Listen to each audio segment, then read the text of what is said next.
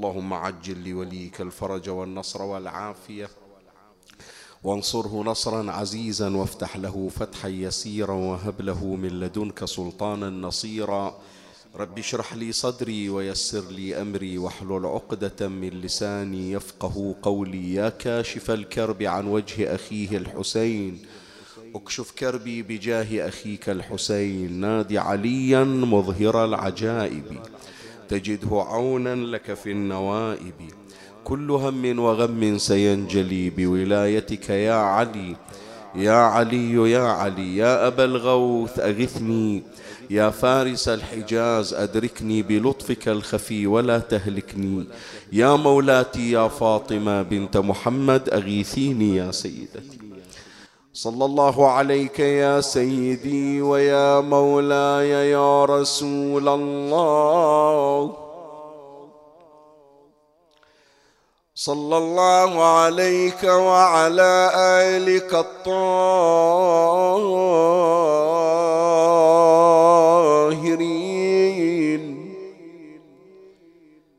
فاز من اعتصم بكم. وأمنا من لجأ إليكم. يا ليتنا كنا معكم سعادتي فنفوز فوزا عظيما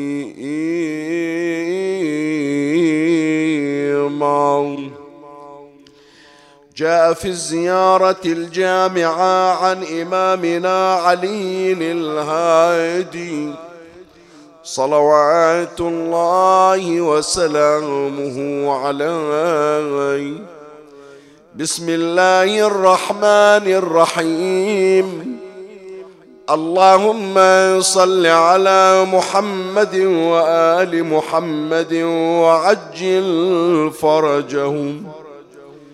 السلام عليكم يا أهل بيت النبوة وموضع الرسالة ومختلف الملائكة ومهبط الوحي ومعدن الرحمة وخزان العلم ومنتهى الحلم وأصول الكرم وقادة الأمم وأولياء النعم وعناصر الأبرار ودعائم الأخيار وساسة العباد وأركان البلاد وأبواب الإيمان وأمناء الرحمن وسلالة النبيين وصفوة المرسلين وعترة خيرة رب العالمين ورحمة الله وبركاته وصلى الله على سيدنا ونبينا محمد وآله الطاهرين.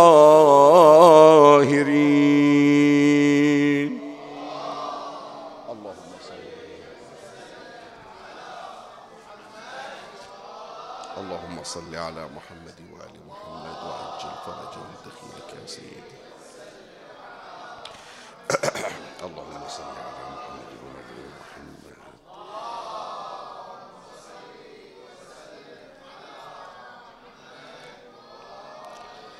هذه الحلقة الثالثة من السلسلة التي كنت قد ابتدأتها مع حضراتكم وعنوانها من شؤون أهل البيت صلوات الله وسلامه عليهم أجمعين. وتتناول هذه الحلقة فقرة من الزيارة الجامعة الشريفة الواردة عن إمامنا علي بن محمد الهادي عليه السلام. وحديث هذه الليلة حول هذا الشق وهذه الفقرة ساسة العباد وأركان البلاد. إحنا ذكرنا فيما تقدم في حلقات بعضا من شؤون أهل البيت خزان العلم قادة الأمم تحدثنا عن معنى خزان العلم كيف خزن أهل البيت العلم. تحدثنا عن قيادتهم للأمم قاطبة على اختلاف الزمان وعلى اختلاف المكان. هذه الليلة الحديث سوف يكون عن معنى ساسة العباد وأركان البلاد. أولا ساسة شنو يعني ساسة؟ ساسة مفردة ترمز إلى الجمع ومفردها سائس. والسائس هو الذي يتولى تدبير الناس وتصريف شؤونهم. هذا يسمونه سائس في اللغة العربية يسمونه سائس. اليوم تحول اللفظ. صار في المصطلح الحديث يسمونه سياسي. السياسي مو اللي يحكي بس في السياسة لا لا. السياسي هو الذي يتولى شؤون الناس هو الذي يقرأ التاريخ ويضع خطة للمستقبل بعد دراسة الواقع يسمونه سياسي في المصطلح الحديث. ونفس هذا المعنى أيضا في اللغة العربية يسمونه سائس وجمعها ساسة. المفردة اللي اختارها الإمام الهادي عليه السلام. ولو تلاحظ أن عبارة سائس خصصوها في الألفاظ الحديثة إلى منو؟ إلى الذي يسوس الخيل. ما تسمع يقولون هذا سائس الخيل؟ ترى هو نفس الشيء ترى. سائس البلد سائس المدرسة سائس البيت سائس الخيل. وهذا المراد هو الذي يتولى الشؤون وتصريف الأمور. فلاحظ شوف العبارة عبارة ساسة البلاد. ساسة البلاد شنو يعني؟ يعني هم الذين يتصرفون. ساسة العباد. ساسة العباد هم الذين يقومون بالنظر في شؤون سائر الناس. هذه الفقرة الأولى التي سوف نتناول شرحها إن شاء الله. الفقرة الثانية إضافة إلى أن أهل البيت هم ساسة يعني سياسيون يعني يتولون أمور الناس أمور الخلائق تدبير شؤونهم تصريف أمورهم عبر عنهم الإمام الهادي عليه السلام بأنهم أركان البلاد. الركن شنو يعني الركن؟ تسمع مثلا بالكعبة فيها أربعة أركان. تسمع مثلا بالمنزل يقولون هذا قائم على أركان. تجي إلى الدين الإسلامي إلى شنو؟ أركان. أجي أيضا إلى الصلاة تشتمل على أركان. الركن ما هو؟ الركن يقولون هو الذي يقوم عليه الشيء هذا الآن جنابك الماتم الشريف لولا أنه قائم على أركان مهما عظم بناؤه. خلي يسوون أهل الهملة عشرة طابق.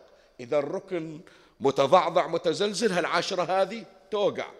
الكعبة قائمة على أركان أربعة. من غير هذه الأركان الكعبة ما تصير. فلهذا يا إخوان الشيء بالشيء يذكر. بنوا الكعبة. الكعبة لأكثر من مرة تعرضت إلى الهدم. وأنا اللي يتابعوني يتذكرون أنه تعرضنا إلى قصة هدم الكعبة وقصة مجيء القرامطة وما صنع القرامطة. وذكرنا هالقضية اللي أشار إليها أمير المؤمنين سلام الله عليه وهي من كرامات أمير المؤمنين عليه السلام. شوف بنيت الكعبة لكن ما تم افتتاحها إلا بعد أن وضعت جميع الأركان جميع الأحجار. يعني تخيل جنابك الآن الكعبة الشريفة من غير الحجر الأسود. لا فيها نقص حتى ولو كانت القبلة عينا موجودة. صح تصلي نحو القبلة حتى ولو الكعبة هدمت.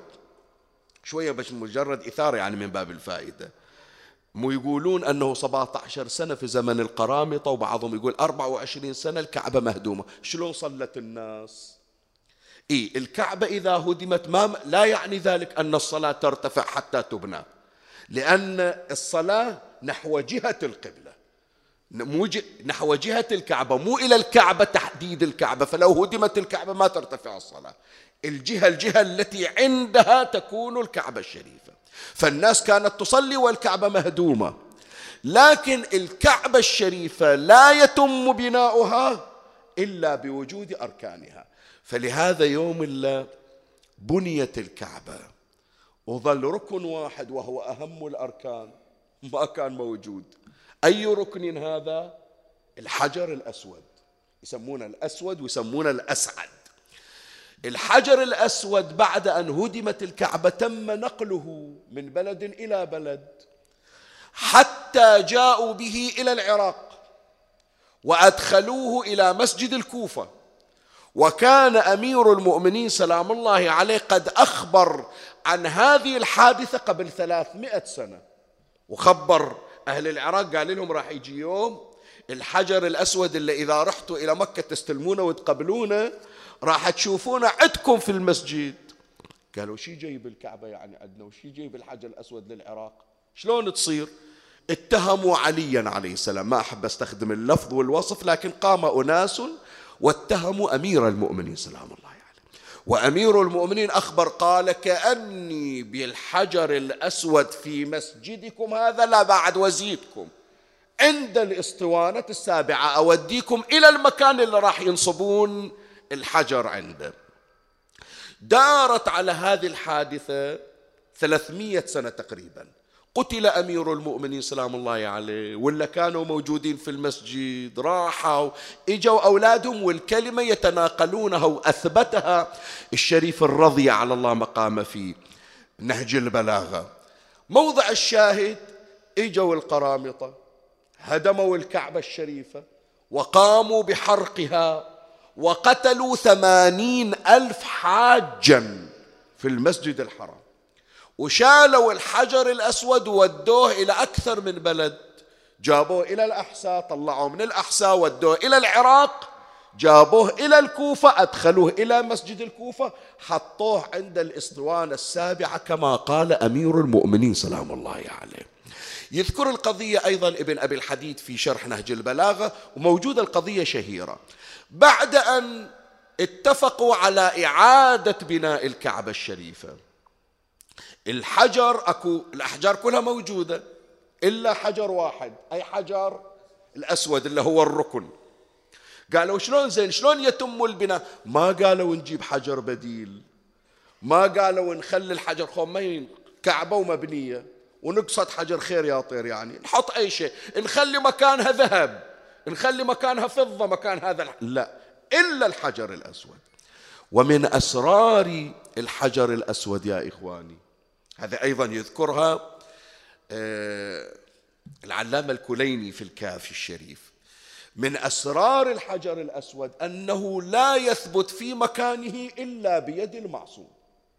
هذا إيه نعم. الحجر هذا الآن لو هدمت الكعبة مرة أخرى لسبب من الأسباب. وركبوها أي حجر ممكن يركبونه. الحجر الأسود لا يضعه في مكانه فيثبت إلا المعصوم. غير المعصوم ما يصير. ولهذا هدمت الكعبة في الجاهلية وجاء القرشيون وقاموا ببناء الكعبة وتنازعوا على الحجر. من الذي يضعه؟ من الذي ثبت الحجر في الكعبة؟ نبينا محمد صلى الله عليه وآله.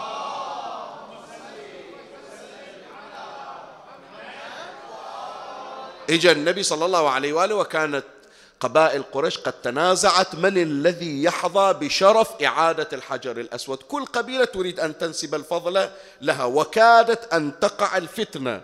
شوية طلع عليهم النبي صلى الله عليه وآله. قال لهم إيش صاير عندكم هالهوسة قالوا الكعبة بنيت بعد أن هدمت من جراء السيل. الآن نريد نحط الحجر. كل قبيلة تريد أن تضع الحجر بنفسها. قال بسيطة. فنزع النبي صلى الله عليه وآله رداءه الشريف. قال حطوا الحجر على ردائي. وكل قبيلة تأخذ شوف نبي الرحمة. وكل قبيلة تأخذ بطرف الرداء. فتكونون كلكم إيه شاركتوا في إعادة الحجر. الآن عم نشوف هذا عبايتي هذا بشتي. كل قبيلة تجو تاخذ طرف. لازم واحد يحط إيده تحت الحجر ويثبت الحجر. وإلا هذا اللي ماسك طرف الرداء ما يرجع الحجر. إجت القبائل شايلين الحجر على الرداء وقفوا من الذي يقوم؟ فأقبل الحبيب المصطفى صلى الله عليه وآله. حط إيده تحت الرداء مما يلي الحجر ثم رفعه فعاد الحجر إلى موضعه بيد المصطفى محمد صلى الله عليه وآله.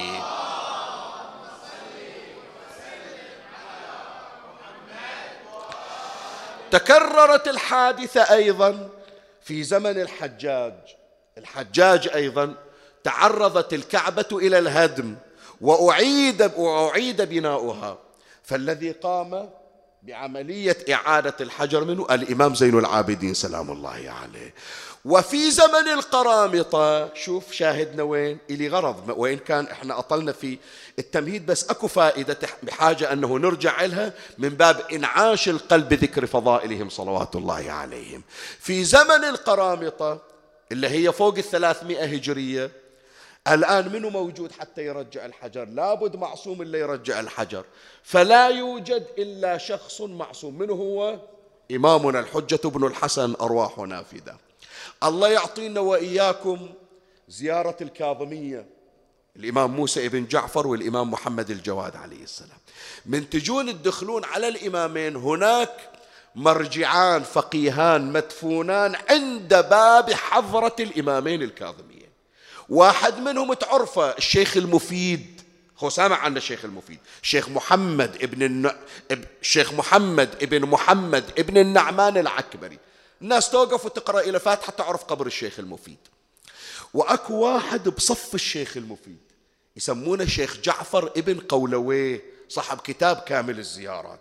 هذا كان في زمن القرامطة. وسمع أن ذيك السنة راح يرجعون الحجر الأسود. من العراق راح يجيبونه إلى مكة وراح يثبتونه ويعرف بأن الحجر شوف افترينا ورجعنا. يوم قلنا بأن الركن لا يضعه إلا منه المعصوم. فشيخ جعفر رجل فقيه وقارئ الروايات قال حتما إلا راح يحط الحجر ويثبت هو صاحب الزمان مو غيره. غيره راح يوقع الحجر. وكان الشيخ جعفر ابن قولوي مريضا وتعذر عليه الذهاب إلى الحج. وكلما دخل عليه الأطباء والحكماء قالوا راح يموت من هذا المرض. فود واحد من طلبته قال له تفضل هذا مبلغ من عندي. وسافر السنة روح الحج.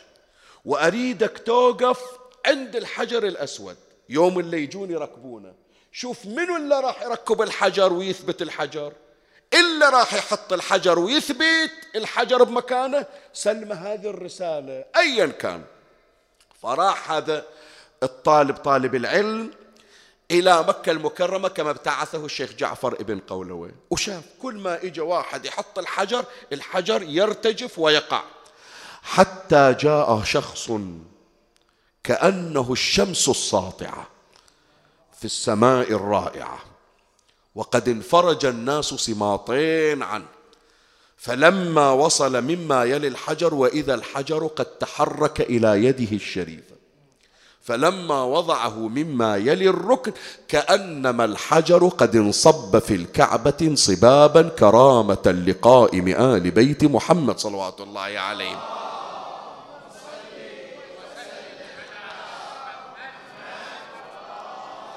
الناس الحجاج بعد ما سئلوا منه هذا صار التدافع. شايف من يخلصون الصلاة شلون يصير الركض على الحجر لتقبيله؟ الناس إجوا يريدون يستلمون الحجر. ما سئلوا منه هذا اللي خلى الحجر. هذا الشيخ اللي رسله شيخ جعفر قال الحجر لاحق عليه. لكن هذا إذا راح وين حصله بعد؟ شغلي هو أروح إليه فجاء من خلفه يقول أنا أركض وهو يمشي الهوينة. بس ما أنا ملاحق أنا أركض بس ما أوصل له هو يمشي على راحته. حتى تجاوزنا المسجد الحرام فالتفت إلي. من التفت بوجهه نزلت الدموع فيقول أشوف الهيئة لكن ما أميز الوجه. التفت إلي قال ما عندك؟ قال له سيدي أنا مرسلني شيخ جعفر ابن قولوي وهو الرجل مريض السنة ما قدر يحيج وعطاني هذه الرسالة فيها مسائل. قال قد أجبنا لك. على المسائل. وسلم على شيخ جعفر. وقل له فليحسب من يوم وصولك إليه إلى ثلاثين عاما فإنه سيشفى من مرضه. وقد سألت الله أن يمد في عمره ثلاثين سنة. وفعلا بقي على قيد الحياة ثلاثين سنة لا اشتكى مرض ولا علة والمرض اللي قالوا راح يموت من عنده طاب ببركة الإمام سلام الله عليه. وبعد ثلاثين سنة ذاك اليوم ما بيشي سلم الأمانات والحقوق الشرعية وسلم على أهله وقعد على الفراش. ها شيخنا اليوم قال لا اليوم ماشي عنكم. انت ما بيك مرض. قال بهذا وعدني سيدي ومولاي. فعلا آخر اليوم فارق الحياة وكان كما قال الإمام. أسأل الله تبارك وتعالى كما من على الشيخ جعفر ابن قولوي ببركة دعاء الإمام الحجة أرواحنا فداه أن يمن على المرضى والمعلولين بالشفاء والعافية ببركة قائم آل بيت محمد صلوات الله عليه.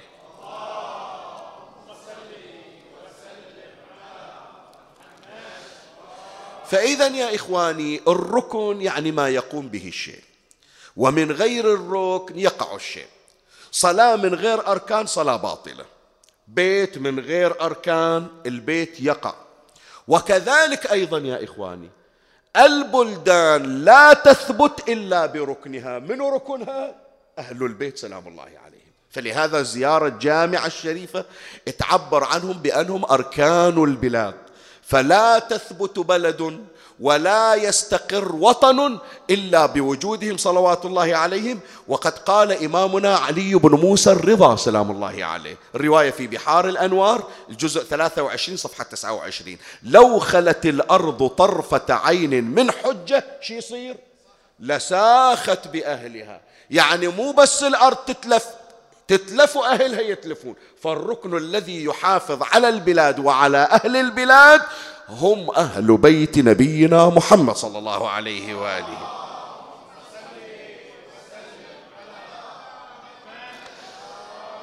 من خلال ما تقدم يعني هذه التوطئة والتمهيد صح إحنا يمكن أخذنا وقت فيها لكن هي لا.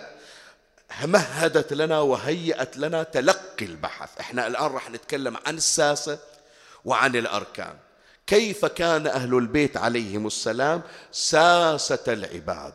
وكيف كانوا أركان البلاد؟ فرح ناخذ نموذج لسياستهم ونموذج آخر لكونهم أركان وهذا ما سوف نبحثه إن شاء الله في بحثنا هذه الليلة الذي هو بعنوان معنى ساسة العباد وأركان البلاد والحديث يشتمل على فصلين. في كل فصل نتناول نموذجا من نماذج أهل البيت في سياسة العباد وأركان البلاد. ومن الله أستمد العون والتوفيق. ومن مولاي أبي الفضل العباس المدد.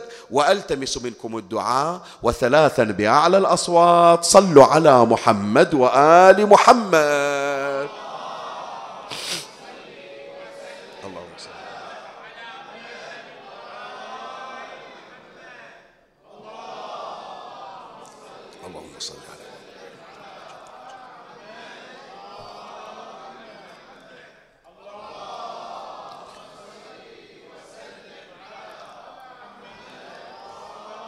مولاي الكريم أنت حيثما كنت اسمعني وفرغ لي قلبك وأعرني سمعك وأقبل علي بكلك.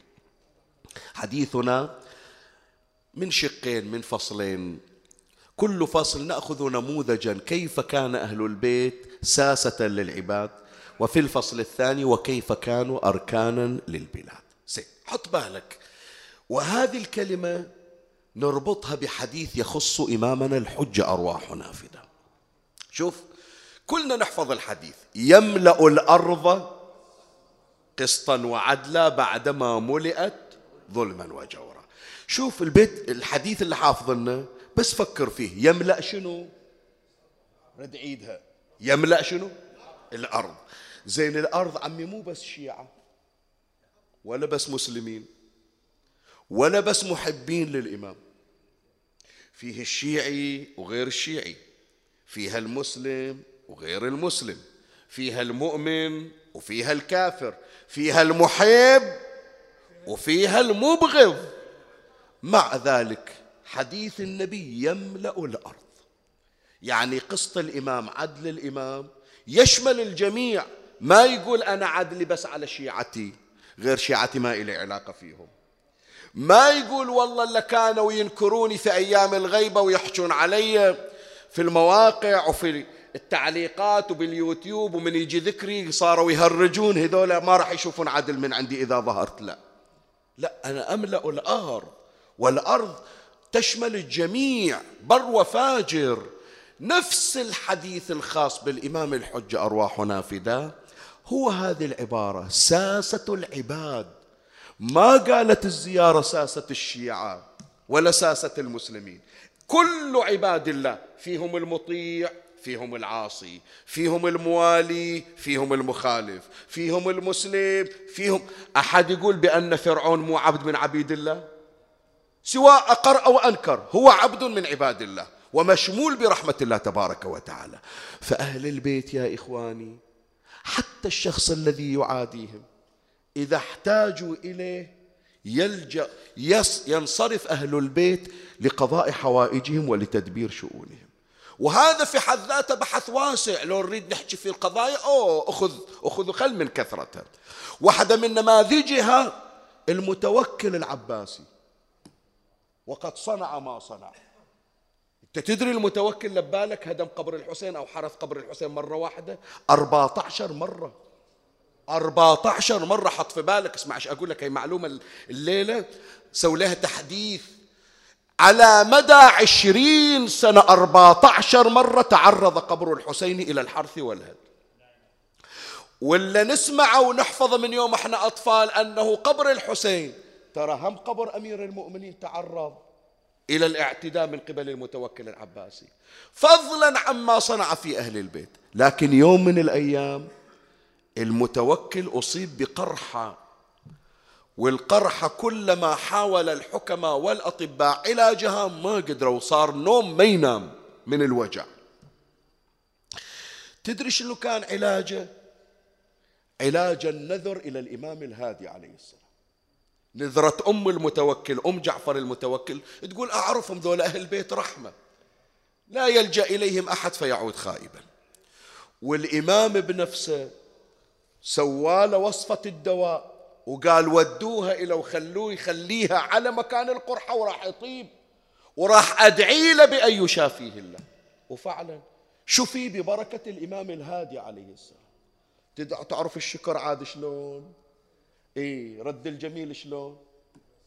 طبوا على بيت الإمام الهادي اقتحموا بيته وطلعوه بالليل وجابوه إلى قصر المتوكل وأوقفوه. لو ما إجت أم المتوكل قالت لك أنت شو مسوي؟ ترى لولا دعاء أو لولا نذري إله كان أنت كنت من الهالكين. بس هو اللي دعا لك وهو اللي كتب لك الوصفة. هكذا هم أهل البيت عليهم السلام. إذا احتاج الناس إليهم ما يقولون نحن بس خيرنا إلى شيعتنا أو إلى المسلمين لا. وقلت لك هذا بحث واسع نقدر نجيب منه نماذج. بس الليلة راح أذكر لك نموذج جدا مهم عن إمامنا محمد بن علي الباقر عليه السلام. وشلون هذا من أروع الأمثلة في سعة صدر أهل البيت ورحمتهم على الجميع وأنهم هم الذين يصرفون ويدبرون, ويدبرون شؤون الأمم وشؤون الناس وشؤون العباد. الحادثة ينقلها آية الله سيد محسن الأمين أعلى الله مقامه في أعيان الشيعة. وينقلها المحقق آية الله شيخ باقر شريف القرشي في حياة الإمام الباقر. ويرجعون إلى مصدر مهم إلى البيهقي اسمه كتاب المحاسن والمساوئ هو اللي ذاكر القضية. شنو القضية؟ اسمع عم مش أقول لك. الفلوس اللي كانت في زمن المسلمين الأوائل أيام الدولة الأموية ما كانوا ترى يختمونها في ويسوونها في بلدان المسلمين. لا. أموالهم تجيهم من روما. حط بالك لأنه راح القضية اللي نجيبها مبنية على هذا التمهيد. قبل البدء صل على محمد وآل محمد.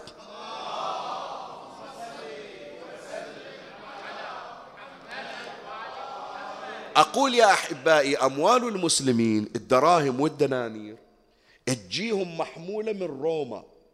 يسوونها إلهم في روما ملك الروم يسوي لهم دراهم ودنانير ذهب وفضة. ويبعثها إلى بلدان المسلمين وياخذ مقابيلها مجموعة من احتياجاته.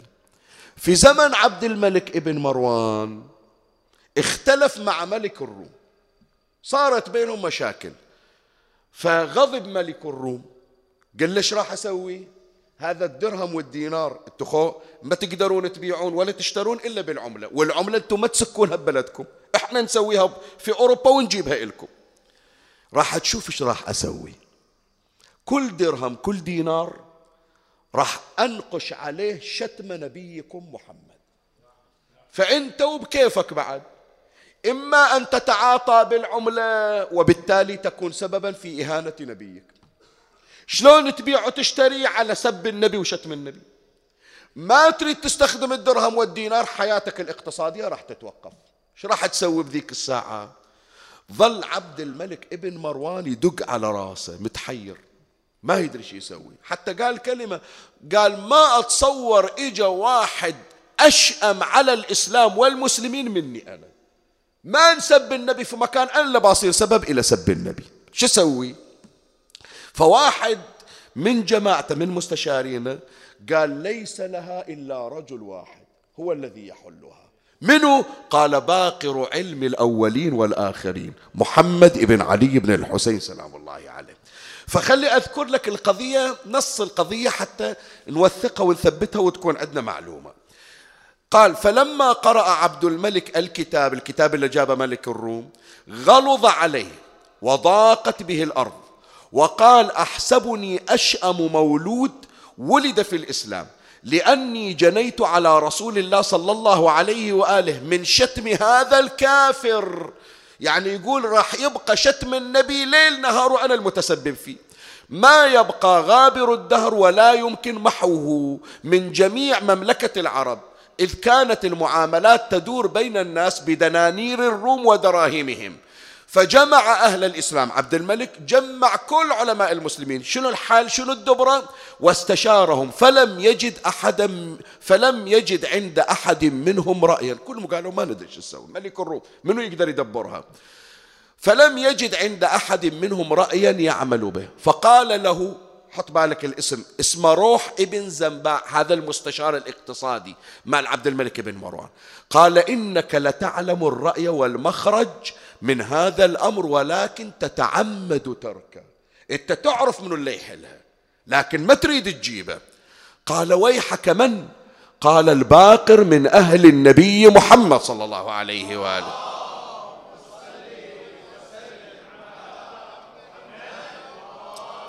قال ما يحلها إلا الإمام الباقر. قال صدقت. ولكنه ارتج علي الرأي فيه. يعني صرت مذهول من هول الأزمة. ارتج علي فيه فكتب إلى عامله بالمدينة أن أشخص إلي محمد بن علي بن الحسين مكرما ومتعه بمئتي ألف درهم لجهازه. حط إلى أموال بحيث يطلع موكب رسمي وأي واحد يحب يرافقه بالطريق يجي وياه. حط له ميزانية. ومتعه بمئتي ألف درهم لجهازه وبثلاثمائة ألف درهم لنفقته. يريد يخلي ميزانية إلى عائلته يريد يصرف في الطريق إلا يريد أعطى. وبثلاثمائة ألف درهم لنفقته. وأزح علته في جهازه. وجهاز من يخرج معه من أصحابه. كل واحد يريد يطلع في موكب الباقر يطلع معزز مكرم. واحتبس الرسول قبله إلى موافاته عليه. يعني هذا اللي راح ينقل الرسالة. يجيبون الباقر لا يرجع. يجي ويا الباقر في الموكب. قال فلما وافى أخبره الخبر فقال له الباقر لا يعظمن هذا عليك. الإمام الباقر يقول لعبد الملك بن مروان لا يعظمن هذا عليك فإنه ليس شيء ليس شيء من جهتين. يعني هذا ترى ملك الروم ما يقدر يسويها. من طريقين. شنو الطريقين؟ أول وحدة أنا موجود راح نسوي دبرة. ثانيا أبى الله إلا أن يعز نبيه محمد صلى الله عليه وآله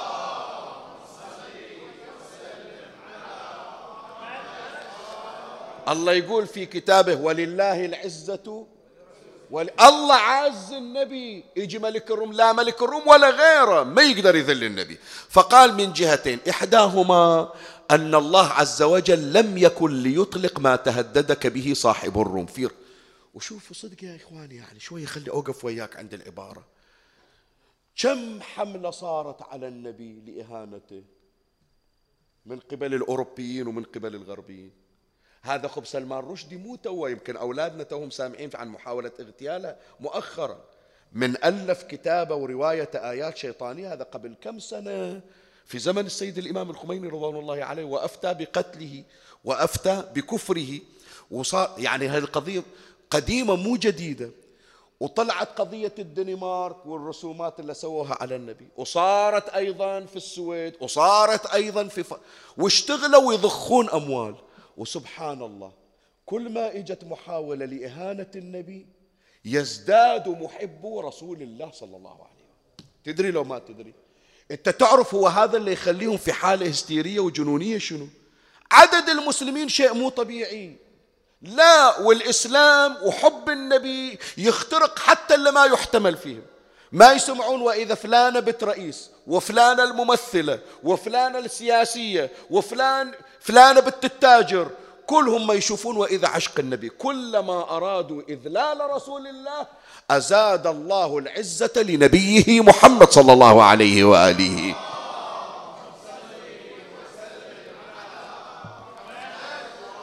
هذه دائما حطوها في بالكم يا إخواني كرامة النبي.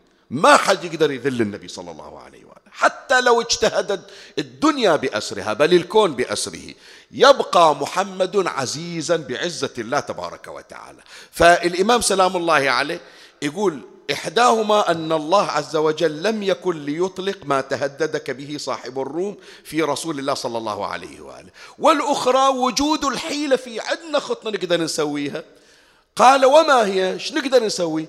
قال تدعو في هذه الساعة بصناع حط بالك. فيضربون بين يديك سككا للدراهم والدنانير. الآن هو ملك الروم سوى الدراهم والدنانير. مو قحاط. نعرف مثل ما سوى نسوي وأحسن من عنده. فيضربون بين يديك سككا للدراهم والدنانير. وتجعل النقش عليها سورة التوحيد وذكر رسول الله صلى الله عليه وآله. أحدهما في وجه الدرهم والدينار والآخر في الوجه الثاني وتجعل في مدار الدرهم والدينار ذكر البلد الذي يضرب فيه. هذا الدرهم والدينار وين سووا في الشام في مكة في المغرب. يكتبون يكتبون السنة والمكان. واسم النبي وسورة التوحيد. والسنة التي تضرب فيها تلك الدراهم والدنانير. وأمره وأمره محمد بن علي بن الحسين أن يكتب السكك في جميع البلدان في جميع بلدان الإسلام. وأن يتهدد بقتل من يتعامل بغير هذه السكك من الدراهم. يعني تصير رسمية والدنانير وغيرها وأن تبطل وترد إلى مواضع العمل حتى تعاد إلى السكك الإسلامية ففعل عبد الملك ذلك. هذا المصدر أعيان الشيعة الجزء الأول صفحة 654 وأنا يا إخواني في بريطانيا في الدنمارك في السويد في المتاحف من أروح مكان لازم أحرص على روحة المتاحف. من نجي إلى المواضع اللي فيها العملات الإسلامية. حاولوا إذلال النبي. ولا زال اسم نبينا محمد صلى الله عليه وآله.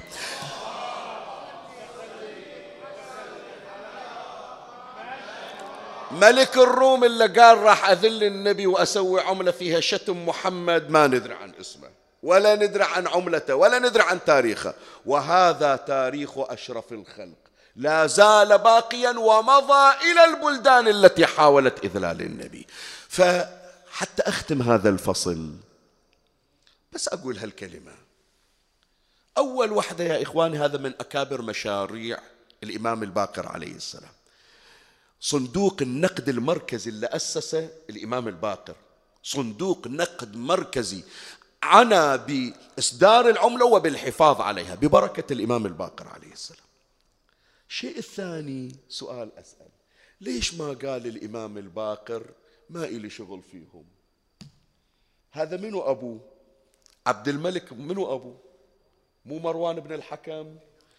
مو اللي أخذ راس جدي؟ مو أنا بعد طفل في المجلس حاطين الحبال بإيدي وهو واقف يشمت علينا؟ تاليها أوقف ويا ولده؟ لا. أهل البيت ما يسوونها. أهل البيت ساسة العباد والعباد فيهم من يحبهم وفيهم من يبغضهم. لكن إذا احتاج بقاء الإسلام إلى سياستهم فزعوا وما قدموا مصالحهم الشخصية بل قدموا مصلحة الدين على رغباتهم الشخصية. وهذا درس نتعلم منهم يا إخواني. ما يقولون إلي والله محتاجينك ترى في المغسل من اللي توفى فلان؟ لا إحنا ما نحكي ويا عائلته. دور مغسل غيري. ما تمنا بحاجة إلى مساعدة. لا هذا ما تمكم مو ما تمنا جارك لا جاري صار لي فترة ما أحكي وياه. شوفوا غيري يقدر يساعده. أجي وإذا فلان معاملة عند هذا فلان إلا صاير بيني وبينه خلاف. لا أهل البيت علمونا بأن نكون عناصر خير إلى جميع الخلق. من أحسن إلينا ومن أساء إلينا. هذا الفصل الأول. أما الفصل الثاني وهو ختام المجلس وبه يتم البحث إن شاء الله. هم ساسة العباد وأركان البلاد. وقلنا بأن البلد لا يستقيم إلا بوجودهم. وفعلا. فلهذا يا أحبائي هذه علموها إلى نعلم أنفسنا ونعلم أولادنا وبناتنا. كم مرة يطلعون إلينا خبر أوه راح تد... راح يجي نيزك ويضرب الكرة الأرضية وراح تدمر الكرة الأرضية. خلي يمكن الشباب ما يتذكرون بس إحنا لحقنا عليها. ما تذكرون كم سنة صارت يوم إحنا أطفال يوم كنا شباب. باكر القيامة. ما تذكر كان هالشكل يصير؟ ما تسمع وإذا يقول برزوا روحكم يوم الأربعة الجاي يوم القيامة. وعمي من الخوف من الجهل مو من الخوف. المساجد تعمر القرائين تخلص الما يصلي قام يصلي. ليش قال يوم القيامة بيصير يوم الأربعة خايفين أنه يأتي شيء فيذهب بالكرة الأرضية ويذهب بالبلدان. عمي لا والله أهل البيت علمونا على أن الكون محفوظ بمن؟ بمحمد وآل محمد صلوات الله عليهم.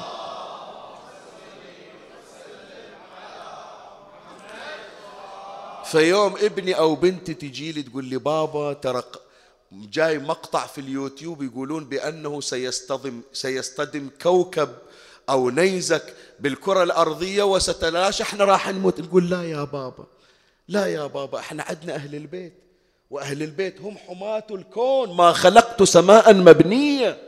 ولا أرضا مدحية إلى آخره. هم حفظ الكون. الله جعلهم أركان لهذه البلدان محفوظة بركنهم وهو الركن صلوات الله عليه. وأذكر لك هذه مسك الختام وهم فضيلة إلى أمير المؤمنين سلام الله عليه وهم زيادة في اليقين والاعتقاد بهم. الرواية يذكرها العلامة المجلسي في بحار الأنوار الجزء 41 صفحة 272 في المدينة المنورة أصيبت ذات يوم بزلزال رجفة. فأذهب الله تبارك وتعالى الخوف وآمن البلاد ببركة أمير المؤمنين سلام الله عليه. يعني. يذكرها العلامة المجلسي. قال رجفت قبور البقيع على عهد عمر بن الخطاب فضج أهل المدينة من ذلك. الرجفة والزلزال صاير بس في البقيع. الناس اللي برا البقيع يشوفون شلون البقيع يموج. وشافوا الرجفة تطلع من البقيع وتجي للبيوت قال رجفت قبور البقيع على عهد عمر بن الخطاب فضج أهل المدينة من ذلك. فخرج عمر وأصحاب رسول الله صلى الله عليه وآله يدعون لتسكن الرجفة فما زالت تزيد. كل ما دعاوا الرجفة والزلزلة تطلع من البقيع وتروح إلى البيوت والطرقات. قال فما زالت تزيد إلى أن تعدى ذلك إلى حيطان المدينة وعزم أهلها على الخروج عنها. قالوا ما نقعد بعد خلاص المدينة راح تتدمر نروح نشوف لنا مكان غير المدينة. قال فعند ذلك قال عمر علي بأبي الحسن علي بن أبي طالب. فحضر فقال يا أبا الحسن ألا ترى إلى قبور البقيع ورجفها حتى تعدى ذلك إلى حيطان المدينة؟ وقد هم أهلها بالرحلة عنها بتركون المدينة وبيخلونها. وإحنا نعرف أنتم أمان الله في هذه البلدان. قال فقال علي عليه السلام علي بمئة رجل من أصحاب رسول الله صلى الله عليه وآله البدريين. أهل بدر 313 أنا أريد من ال 313 مئة نفر. قال فاختار من المئة عشرة. فجعلهم خلفة. جابوا له مئة من الثلاثمائة وثلاثة عشر قال صيروا وراي. فجعلهم خلفة. وجعل التسعين من ورائهم. يعني أخذ من المئة كم؟ عشرة. ذولا صاروا صف خلف علي. التسعين ما رجعهم صاروا وراء العشرة. قال وجعل التسعين من ورائهم. ولم يبق بالمدينة سواء هؤلاء إلا حضر حتى لم يبق بالمدينة ثيب وعاتق إلا خرجت. ثم دعا بأبي ذر وسلمان ومقداد وعمار فقال لهم كونوا بين يدي. يعني شوف الترتيب شلون. أربعة سلمان وأبو ذر ومقداد وعمار قدام. وراهم منو؟ علي بن أبي طالب. وراء علي منه العشرة من البدرين. وراء العشرة منه؟ التسعين من البدرين. وعلي هو نقطة الباء. وعلي هو القطب. قال ولم يبق سوى هؤلاء إلا حضر حتى لم يبق بالمدينة ثيب وعاتق إلا خرجت ثم دعا بأبي ذر وسلمان ومقداد وعمار فقال لهم كونوا بين يدي حتى توسط البقيع. والناس محدقون به. اسمع هي تحتاج من عندك إلى صلوات مرتفعة. قال فضرب الأرض برجله. ثم قال ما لك ما لك ما لك؟ فسكنت. فقال صدق الله وصدق رسوله.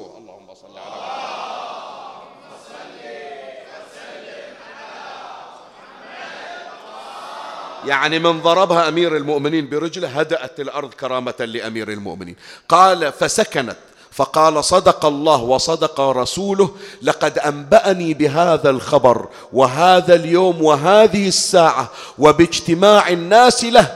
إن الله عز وجل يقول في كتابه إذا زلزلت الأرض زلزالها وأخرجت الأرض أثقالها وقال الإنسان ما لها ما لو كانت هي هي لقالت ما لها يعني لو كانت هذه الهزة والرجفة مالت يوم القيامة كان حكت وياي الأرض سمعتونها.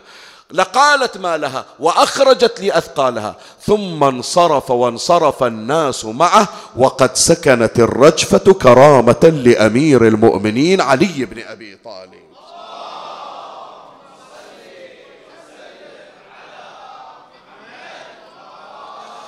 الثانية بأعلى أصواتكم.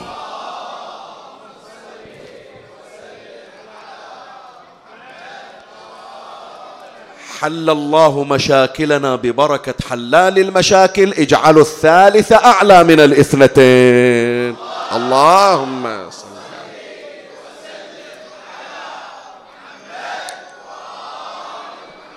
مولاي الكريم بعد مجلس انتهى. حديث من أول التالي في بركات أهل البيت وأننا تحت رعايتهم وعنايتهم. ما يخلون أحد ترى ولا يرضون علينا بالشينة. وحنونين. إي والله حنونين. عندهم حنان يا سبحان الله حتى على أعدائهم. وإلا راس الحسين على رمح طويل. والأرض ترجف والسماء تهتز. وقد أظلمت الدنيا. وكلهم تيقنوا بأن العذاب قد نزل. فبينما هم كذلك وإذا بالعذاب قد ارتفع. سبحان الله. راس الحسين بعد على على الرمح. ما نزلنا. شلون ارتفع العذاب؟ خلنا نروح نشوف إيش صاير بالمخيمات. قاموا يدورون على المخيمات وإذا علي الممدد والعصا إلى جواره وقد وضع يدا على الأرض والأخرى أشار بها نحو السماء وهو يصيح يا أرض قري ويا سماء استقري فأنا حجة الله عليك. أبويا راح راس على الرمح. لكن الأرض لا تخلو من حجة. عندنا أيتام صغار لا يتروعون. عندنا أطفال صغار لا تصيبهم الدهشة. الآن عمتي راح تركض في البار.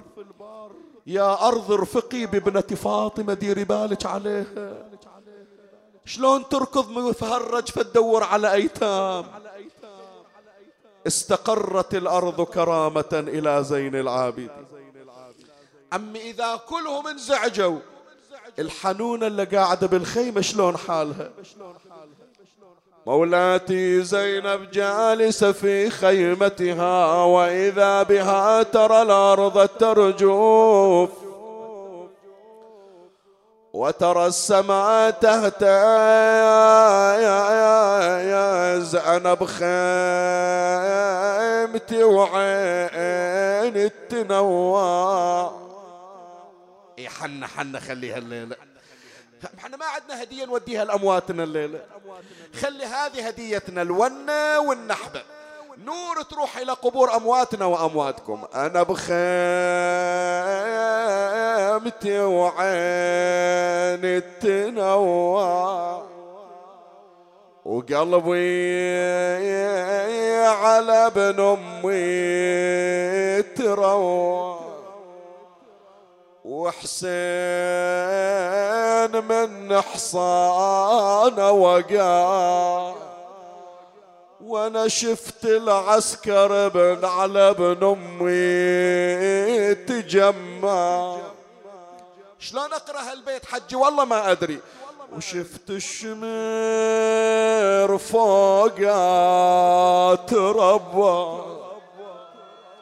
إيش سوى إيش سوى؟ شفت الشمر فوقها تربى وبنحر أخويا قام يقطع. حرمة وغريبة ما أدري صنع. يا ريت روحي وياه تطلع. قامت مولاتي زينب خرجت من المخيم أقبلت مهرولة إلى خيمة زين العابدين. وإذا بالإمام زين العابدين مقلوب على حر وجهه وإمام. قالت يا ابن أخي ما لي ألا أرى الأرض ترجوف والسماء تهتز؟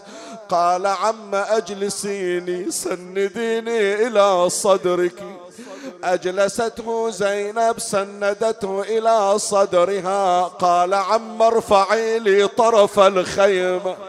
هاي صرخة من عندك تريد رفعت له طرف الخيمة قال عم زينب استعدي للسابي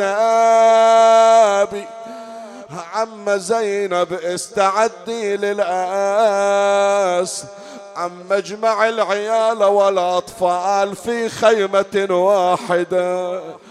قالت يا ابن أخي ماذا جرى؟ قال عم هذا رأس أبي الحسين. على روح الطويل صرخت ونادت وحسين. تحسر وقالها بهالبجالة تهيجيني وقعد ولعد صدرك براحة سلديني وكشف الستر يا مخدرة من قبال. عيني امتثلت كلامه والقلب مشغول بأفكار.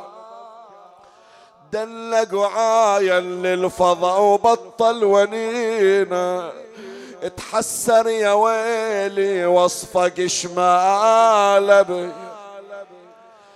صاحت اش صاير؟ قال يا عمن ولين ليش هذا العزيز حسين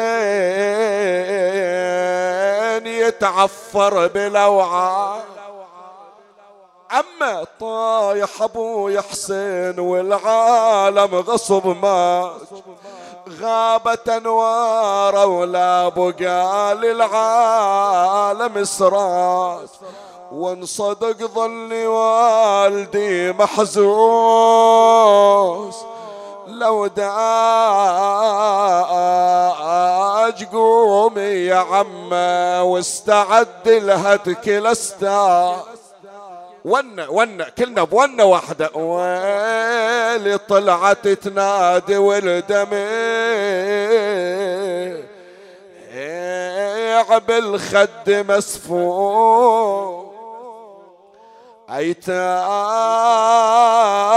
أخوي حسين تشغلني عن النوم. لا هجمة العسكر علي وين؟ وين التجي والليل الليل مقبل والعد أشرى؟ والله يا حج أنا متحير من هالحسينية. إيش عدها ويا أبو فاضل؟ كم مجلس قرينا لازم ما نختم إلا بالعباس. كم مصيبة جبناها إلا يحضر لنا أبو فاضل. إحنا هي المصيبة ما لها علاقة بالعباس. بس كنا زينب مولاتي واقفة وزين العابدين ممدد. تقول له يا أبو محمد حيرة. والله حيرة. وين أروح؟ وين أتوجه؟ أربعين يتيمة وستين حرمة. وما عندي أحد حرمة. ما تعودت تطلع من بيتنا. وانت ما تقدر تقوم ممدد على الفراش. شو أسوي؟ دبرني يا أبو محمد. شوف شي جايب أبو فاضل. وانت يلا اطلب مرادك ليلة الجماعة. وانت توسع جرح قلبي وصعب. وانت ترى ابن أمي وقع وأنا اسمعي وانت يا أبو محمد أنا رايح العباس. وانت وانت شوف حسين حضر العوجيه يشيل حسين حضر العيا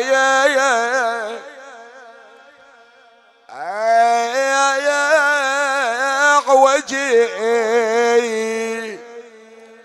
أبو محمد أوديك إلى أبوك تشيله وأنا أروح إلى أخويا. وصدق والله توجهت صوب العلقم وإذا كأنما تسمع الصوت. ارد اسالك زينب ورد الجواب. وين نامت هالليله سكنة والرباب. يعني سكن الليلة نامت عالتراب يا أختي زينب ليش ما تحاكيني؟ يا الجنت ما تقبلي مسن الهوى. انت زندك والعلم طاحوا سوا وانتي؟ وأنا ثوب بنار الخيام انشوى خويا سطروني على خدي وعيني. مستحي وغطيت وجهي بالعلم. من عباتك أشم دخان الخيام. زينب بعيني خلي لا تطلعينك. السهايم حتى وحدك لا تشوفك عيني تنهاب تنهاب متى ريح الأخوة علي. تنهاب والعدها مثل عباس. تنهاب رضيت القوم يا عباس. اش تنهب رضيت القوم يا عباس. تنهب تنهب إحجابي وأنا أتستر بدي. أحمى الضايعات بعدك ضعنا في يد النائبات حسرى بواد يا الله اللهم صل على محمد وآل محمد. بك يا الله بمحمد بعلي بفاطمة بالحسن بالحسين.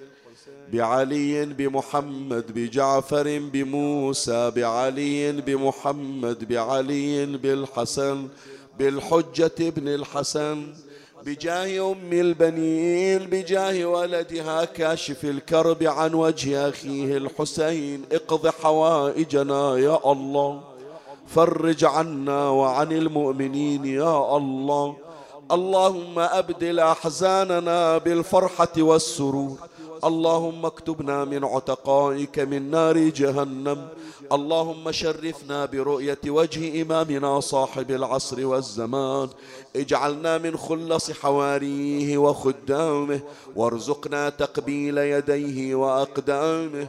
ترحم على أموات وأموات الباذلين والسامعين والمؤمنين سيما من لا يذكره ذاكر ولا يترحم عليه مترحم.